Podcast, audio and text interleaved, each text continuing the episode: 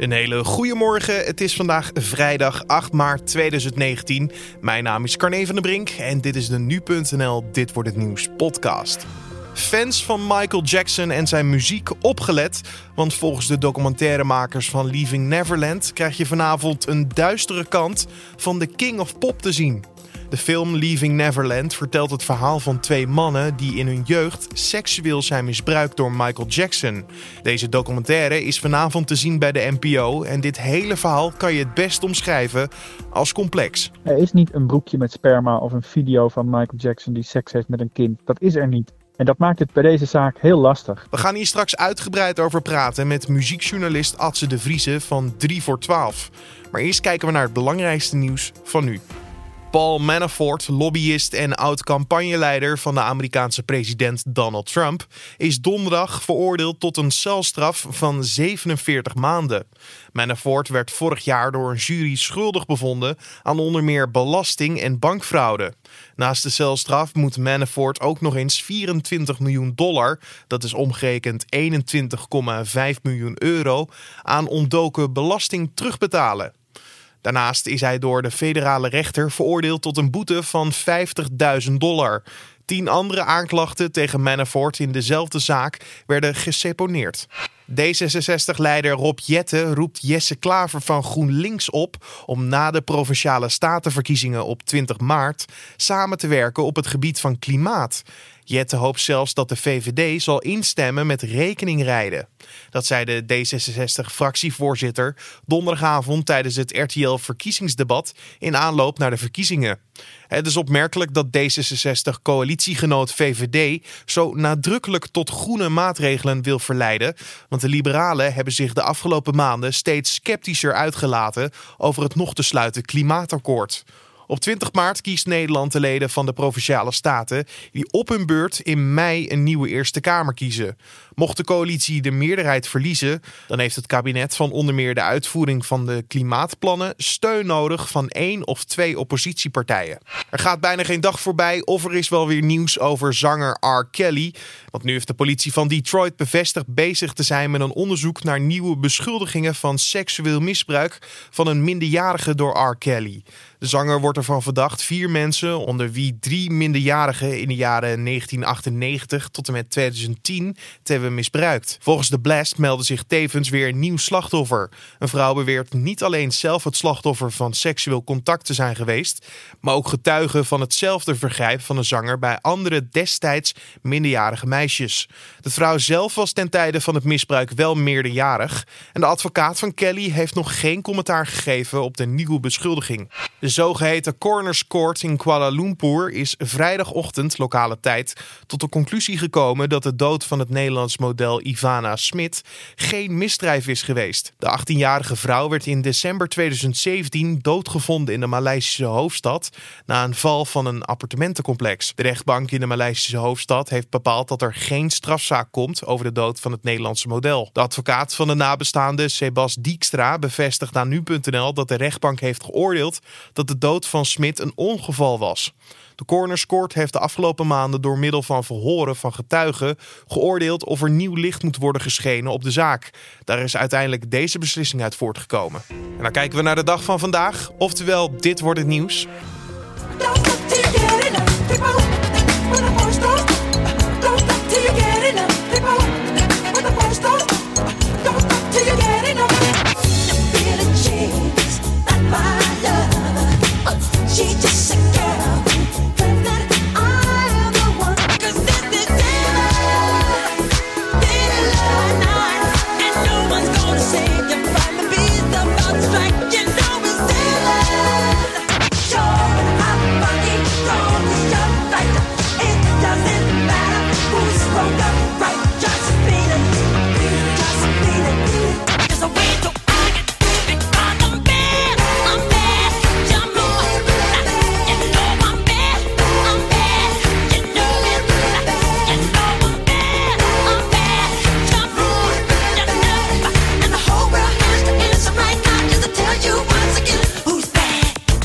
Stop Till You Get Enough, Billie Jean, Thriller, Beat It en Bad. En als ik zou willen, zou ik nog een hele dag door kunnen gaan met het opnoemen van de hits van Michael Jackson. De king of pop. Maar de vraag is, zal je na vanavond ooit nog muziek van hem willen horen? Op NPO 3 wordt namelijk vanavond de vier uur durende documentaire Leaving Neverland uitgezonden. In de film vertellen twee mannen, Wade Robson en James Safechuck, dat ze in hun jeugd seksueel zijn misbruikt door Michael Jackson. Maar wie zijn deze mannen en waarom praten ze nu heel openlijk over hun verleden met Jackson? Daarover ga ik praten met muziekjournalist Atze de Vrieze van 3 voor 12. Maar om te beginnen, Atze, was jij een grote liefhebber van de muziek van Michael Jackson? Ja, natuurlijk. Ehm, ja, mijn eerste CD was ook Dangerous van Michael Jackson. En uh, mijn kinderen vinden hem geweldig. Dus ik luister de laatste tijd ook weer heel vaak naar. En um, ja, ik merk ook dat nu midden in die hele controverse. Ja, als mijn kinderen dan zeggen: ja, mag Michael Jackson op? Ja, dan uh, ga ik. Uh, ja, ja. Is dat door deze documentaire veranderd, het kijken naar de muziek? Nou, dat verandert natuurlijk sowieso wel. Uh, deze, deze film heeft heel veel impact. Maar ik merk ook wel een beetje. Kijk, ik heb uh, een week of twee, drie geleden die film gezien. Was ik behoorlijk onder de indruk en ook wel best, uh, ja, echt wel geraakt erdoor. Maar ik merk ook dat ik wel weer een ontwikkeling door heb gemaakt. Heel veel gelezen, heel veel discussies gevoerd met, met Michael Jackson fans. En ik ben er toch ook wel achter dat in the end de vraag, heeft hij het nou gedaan, niet echt te beantwoorden is. Uh, het, het, het, blijft toch een beetje het verhaal van twee mannen die in de, verhaal, in de, in de film een heel uh, geloofwaardig verhaal vertellen. Maar waar je omheen weer allerlei dingen kunt vinden waarin uh, mensen zeggen, ja, om deze en deze en deze reden moet je ze niet geloven. En het is zo waanzinnig moeilijk, want er is natuurlijk niet, er is niet een broekje met sperma of een video van Michael Jackson die seks heeft met een kind. Dat is er niet. En dat maakt het bij deze zaak heel lastig. The days were filled with magical childhood adventure experiences. It's like hanging out with a friend that's more your age. Just kid things. They were just doing kid things. He told me if they ever found out what we were doing, he and I would go to jail for the rest of our lives. I want to be able to speak the truth as loud as I had to speak the lie for so long. Er zijn wel rechtszaken geweest, daar gaan we het straks zeker nog even over hebben. Maar uh, ja. laten we beginnen bij uh, het feit wat we vanavond op NPO 3 vier uur lang over ons heen gaan krijgen. Waar moet ik dan aan denken? Nou, vier uur lang, dan denk je dat is een film waar alles en nog wat in zit. Context, uh, dingen over rechtszaken, dingen over het rechtssysteem misschien wel, dingen over zwarte entertainers. Maar het is eigenlijk niet zo. Je ziet dat de film heel duidelijk focust op eigenlijk maar één ding. En dat is het verhaal van die twee mannen en hun families. En dat laatste is ook heel belangrijk, omdat de regisseur heeft duidelijk een film willen maken over hoe een hele familie, in dit geval dus twee families, ingepalmd, betoverd, hoe je het ook wil noemen, zijn door een superster. Een rijk iemand, een, iemand met aanzien, iemand met een onwaarschijnlijk talent. En die zijn eigenlijk uh, ja, in, zijn, in zijn macht beland, als het ware. Wat mij ook echt opviel, en wat denk ik ook veel indruk maakt in die film, is dat er ook heel veel liefde in zit voor Michael Jackson voor de artiest, maar ook voor de mens. Ook vanuit de jongens die nu vertellen dat ze door hem misbruikt zijn. En dat is natuurlijk eigenlijk de basis geweest. Hij heeft ze, claimen ze, heel erg, uh, ja, het, het voelde als familie, als een, de beste vriend, als een soort onwaarschijnlijke vriendschap. En juist daardoor zijn ze zo dicht bij hem gekomen. Mm -hmm, ja. En daar maakt de regisseur dus heel veel tijd voor vrij om dat verhaal heel rustig te vertellen. Ja, we hebben het over de toen de tijd jongens, nu mannen, James uh, Safechuck en Wade ja. Robson. Dat zijn de Juist. hoofdrolspelers in dit verhaal. Maar zij beschuldigen nu Michael Jackson van seksueel misbruik op hen gepleegd te hebben. Geloof jij ze ook? Nou, zeker nadat ik de film keek, uh, dacht ik, ja, dit, hier ga je niet op zo'n manier over zitten liegen. Het is ook zo uitgebreid, je hele familie sleep je erin mee. En dat is nog steeds een gedachte die ik heel sterk heb. Tegelijkertijd uh, merk je, kijk, voor de Michael Jackson volgers is met name die Wade Robson is echt een oude bekende. Die is er altijd bij geweest, heel dicht er bovenop. Hij heeft in 1993 met zijn ouders tegen de politie en tegen journalisten gezegd er is niks gebeurd toen Michael Jackson voor het eerst aangeklaagd werd. Yeah, you know, there's been different times where it just be me and Michael. Then there be other times where he has other friends over too. That's what, like what Brett said, it's just a slumber party. We just have a lot of fun. Uh, hij heeft in 2005 in de rechtbank getuigd. Hij was de, de, de, de, de number one witness van de, van de verdediging. Hij was degene die Michael Jackson in feite ontlastte. In 2012 heeft hij zijn verhaal veranderd. Uh, en wat je dus ook ziet bij fans van Michael Jackson is dat ze heel duidelijk alle inconsistenties in zijn verhaal aanwijzen. En het zijn er best veel, vooral op details. En sommige zijn belangrijker dan andere. Mhm. En de vraag is natuurlijk wat je daarmee moet. Want het is natuurlijk ook zo dat mensen die uh, op zo'n manier seksueel misbruik hebben meegemaakt in hun jeugd, ja, die verklaren hele inconsistente dingen. Die hebben geen idee waar ze, meer waar ze staan. Die halen dingen door elkaar. Het gaat over dingen van 25 jaar geleden. Dus de vraag is, hoe moet je omgaan met de inconsistenties die er te zien zijn tussen wat ze bijvoorbeeld in de rechtszaal vertellen en wat ze in de film vertellen, wat ze eerder hebben verteld, nou, et cetera. When you testified in 2005, did, did Michael Jackson or anyone working for him offer you money to say the things you said? Did they tell you you must lie on the stand at that time? No, there was no money. There was no you must lie. Michael, when when he would talk to me before these things were going on, and he would call me every day as these things were happening, it was complete manipulation and brainwashing. It wasn't any sense of the truth on the phone. He would role play with me and train me for these scenario's. En natuurlijk ook een vraag is: waarom komen ze er nu mee naar buiten? Waarom is die documentaire er nu? Uh, Michael Jackson is dit jaar uh, tien jaar dood. Uh, eind dit jaar is dat zo. Ehm, en ze hebben dus al eerder Jackson verdedigd in andere rechtszaken, in het openbaar ja. media optredens. Waarom denk je dat ze er nu mee komen? Nou, die film is er weliswaar nu, maar eigenlijk het verhaal is er dus al langer. 2012 heeft Wade Robson voor het eerst op tv gezegd dat er wel degelijk wat gebeurd is. Uh, hij kwam toen eigenlijk gewoon uit de kast als het ware. En SafeChuck die uh, heeft zich eigenlijk pas nadien aangesloten. En er is een rechtszaak geweest. Ze hebben een rechtszaak aangespannen tegen de bedrijven achter Michael Jackson. En dat is ook een van de pijnpunten bij fans. Zij zeggen, we hebben hier gevraagd om een schadevergoeding. Het gaat ze dus om het geld. Uh, hij heeft ook een boek willen uitbrengen, Wade Robson. Nou, dat zijn allemaal punten waardoor mensen zeggen, hij, hij doet het voor het geld. Ik weet niet zo goed wat ik daarmee moet in de zin van, in Amerika doet natuurlijk iedereen alles. Ik bedoel, als je iemand aanklaagt, ze klagen elkaar voor alles aan. Het gaat altijd om geld. Uh, maar maar dat, dat gevoel van hij doet het voor het geld, dat kunnen ze heel moeilijk van zich afschudden. Dit verhaal ligt er dus eigenlijk sinds 2012. Dat is dus drie jaar na de dood van Michael Jackson. Voelt eigenlijk al wel korter erop. Wat Wade Robson zegt is dat hij een, een, een soort nervous breakdown heeft gehad kort daarvoor hij, heeft eigenlijk op dat moment beseft van er is, wat mij gebeurd is, is het niet normaal, is, is, is wel degelijk misbruik. Heeft ook te maken met het feit dat beide mannen kinderen hebben gekregen zelf, eh, iets daarvoor. Dat is in, bij mensen die misbruik hebben meegemaakt vaker een trigger point, omdat je natuurlijk ziet wat de onschuld is van kinderen, wat kinderen nodig hebben en wat jij op dat moment in die leeftijd niet gekregen. Maar ik lees en hoor overal over deze documentaire. Het is zo gedetailleerd dat je het wel moet geloven.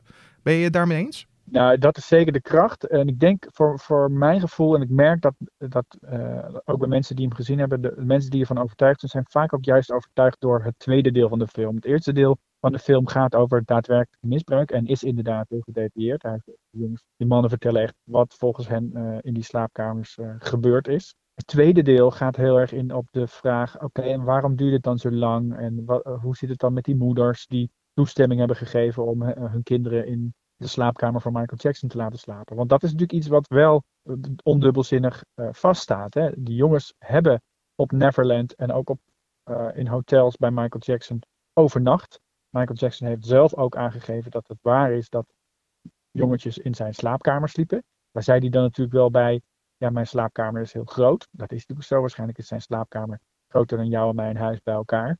Maar er, is daar natuurlijk iets geks aan de hand. En dat, dat, dat blijft natuurlijk uh, als een paal boven water staan. Zit er eigenlijk ook nog een tegengeluid in, uh, in deze film? Uh, nee, dat is een van de belangrijkste kritiekpunten van, op de film is dat een te eenzijdig verhaal zou zijn. En dat klopt, vind ik ook wel. De, de regisseur Dan Reed die zegt, ja, waarom zou ik de, de, de Michael Jackson estate interviewen? Ik heb talloze ontkenningen van Michael Jackson en zijn advocaten uit het verleden in de film verwerkt. Het verhaal wordt niet anders.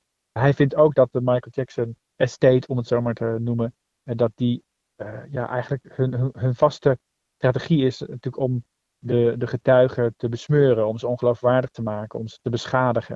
En dat wilde hij niet in zijn film hebben. Ik vind dat wel het zwakke punt. Wade changed his story that he maintained before and after Michael's death. He tried to go out and shop a book deal. No publisher would touch it. He even sued the estate for 1.5 billion. It was tossed out of court. So the only thing left for him to do was sit down in front. No, he wanted to go out for the head choreography part for Cirque du Soleil.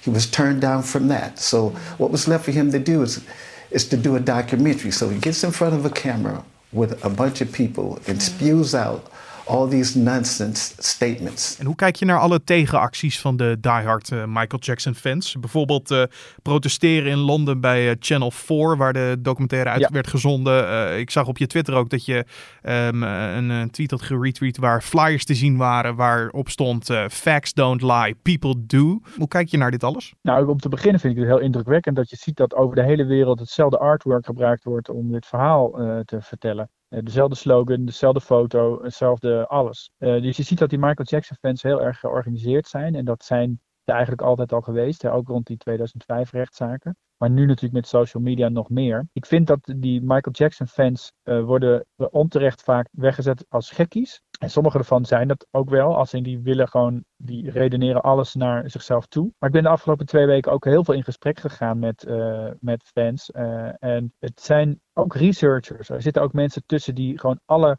rechtszaaktranscripten hebben doorgelezen.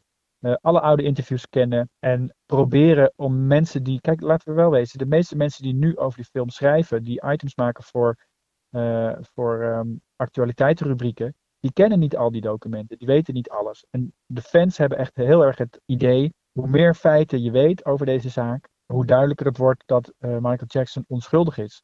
Ja, ik ben dat zelf er niet helemaal mee eens. Wat ik, als, wat ik al eerder zei, ik zie eigenlijk alleen maar meer uh, vraagtekens uh, opkomen. Als we ook over tegenreacties praten, dan moet je ook natuurlijk naar de muziek kijken en ook uh, radiozenders. in de wereld hebben al meerdere zenders gezegd, radiozenders, we draaien even muziek van Jackson niet. bijvoorbeeld in Nederland NH Radio. NH Radio heeft besloten voorlopig even geen Michael Jackson muziek te draaien. En dat doen we omdat we denken dat als je op dit moment een Michael Jackson plaat draait, dat luisteraars vooral bezig zijn met Michael Jackson zelf met het verhaal wat nu de ronde doet over zijn documentaire. En dat ze niet meer uh, vrolijk en uh, fris naar die plaat luisteren, maar vooral daarmee bezig zijn. Moeten we dit zien, deze stap om geen muziek meer van de King of Pop te draaien, als een dappere beslissing? Of meer een schild naar aandacht? Uh, nou, laat ik het zo zeggen. Ik snap het als een radiozender. Kijk, laten we wel eens. Als er een vliegramp de, het nieuws domineert, dan ga je op de radio even geen liedje draaien dat uh, uh, I Believe I Can Fly gaat heten. Pittige keuze misschien sowieso. Maar je snapt wat ik bedoel. Ik snap het zeker, ja. Ik snap dat je nu even denkt van nou, misschien even geen Billie Jean. ik vind dat dat niks zegt over de legacy van de King of Pop. Ik vind het ook een beetje potsierlijk om nou te verklaren dat je dat in de boycott doet. Want je, je bent zodra je één persoon op een boycottlijst zet, ben je natuurlijk volstrekt hypocriet. Want je kunt ook allerlei artiesten opnoemen waarvan we weten dat ze een moord gepleegd hebben of dat ze een vrouw geslagen hebben. Waar ligt dan de grens? Waar ga je het doen? En ik snap ook wel dat kindermisbruik is natuurlijk het grootste taboe, het ergste wat je kunt doen. Uh, dus in die zin snap ik het wel. Aan de andere kant vind ik uiteindelijk dat een te complexe vraag om nu uh, potsierlijk, ook nog maar voordat in Nederland de documentaire uitgezonden is, een boycott uit te roepen. Ja, misschien dat we eigenlijk dat die, als er een boycott echt komt in Nederland, op medialandschap, dat dat eigenlijk pas komt na die documentaire. Dat, dat zou jij een betere keuze vinden van heel veel zenders. Ik, heb, ik vind dat heel uh, lastig. Ik vind uiteindelijk moeten we de wereld die muziek ook niet afnemen. Uh, tegelijkertijd snap ik dat mensen zeggen, ja, het gaat om de, je moet ook denken aan de slachtoffers. En voor hun is het een teken van respect om het niet te draaien. Maar bijvoorbeeld 3FM heeft, uh, heb ik het even gecheckt, ook de laatste week geen uh, Michael Jackson gedraaid.